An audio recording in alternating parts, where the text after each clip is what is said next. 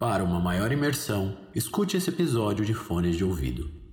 Bem-vindos ao podcast Pesadelos. Antes de começar o episódio, não se esqueça de nos seguir no Instagram, pesadelos.cast, no Twitter, pesadeloscast e curtir a nossa página no Facebook. Caso queira contribuir para o crescimento do podcast, acesse apoia.c pesadelos. Aproveite o episódio e tenha bons pesadelos. Compre já sua camiseta na loja Dimensão Nerd. Usando o cupom Pesadelos você ganha 5% de desconto. Bora pro episódio.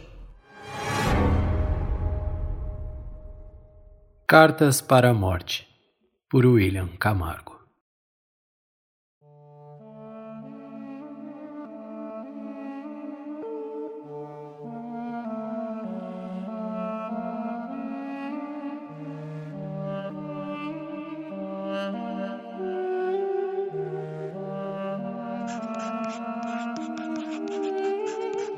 Querida morte.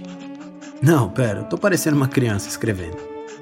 Bom, na noite passada eu sonhei que eu morria, e isso foi bem estranho.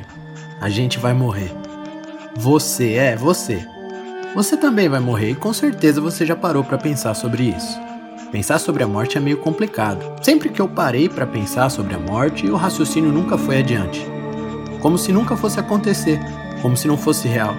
E se você analisar, morrer só é real para quem está vivo. Porque, do ponto de vista fisiológico, nossa consciência é um monte de reações químicas no nosso corpo. E se elas param, a gente deixa de existir. Isso implica em não saber que você deixou de existir. No mundo real é assim, pelo menos. No meu sonho, não foi bem assim. Eu sabia que ia morrer, eu tinha certeza. Sabia que eram meus últimos momentos. Sabia que estava doente, que minhas reações químicas estavam chegando ao fim e eu fiquei desesperado. Eu percebi que só vou pensar sobre a morte quando eu de fato tiver para morrer. E é incrível como tudo perde importância. Nada é importante diante da morte. Nada faz sentido. Pense por um segundo apenas. Você vai morrer.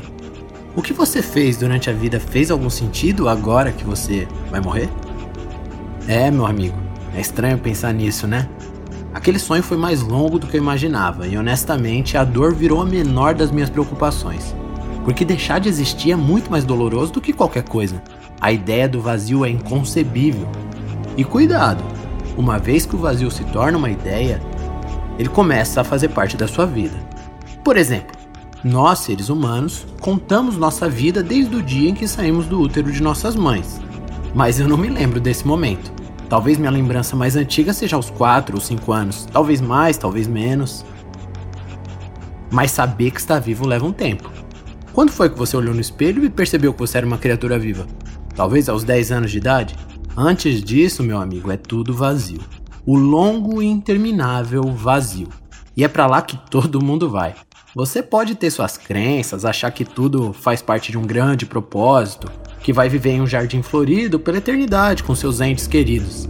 Mas olha, sinto lhe informar, não vai ser bem assim. Eu não tô aqui para questionar sua religião. Você pode acreditar no que quiser, mas deixar de existir é uma realidade que todos nós vamos enfrentar. Esse negócio de alma, espírito, ou seja lá como você chama, é apenas seu cérebro funcionando. E talvez ele nem funcione tão bem quanto você pensa. Morrer não vai ser igual a dormir.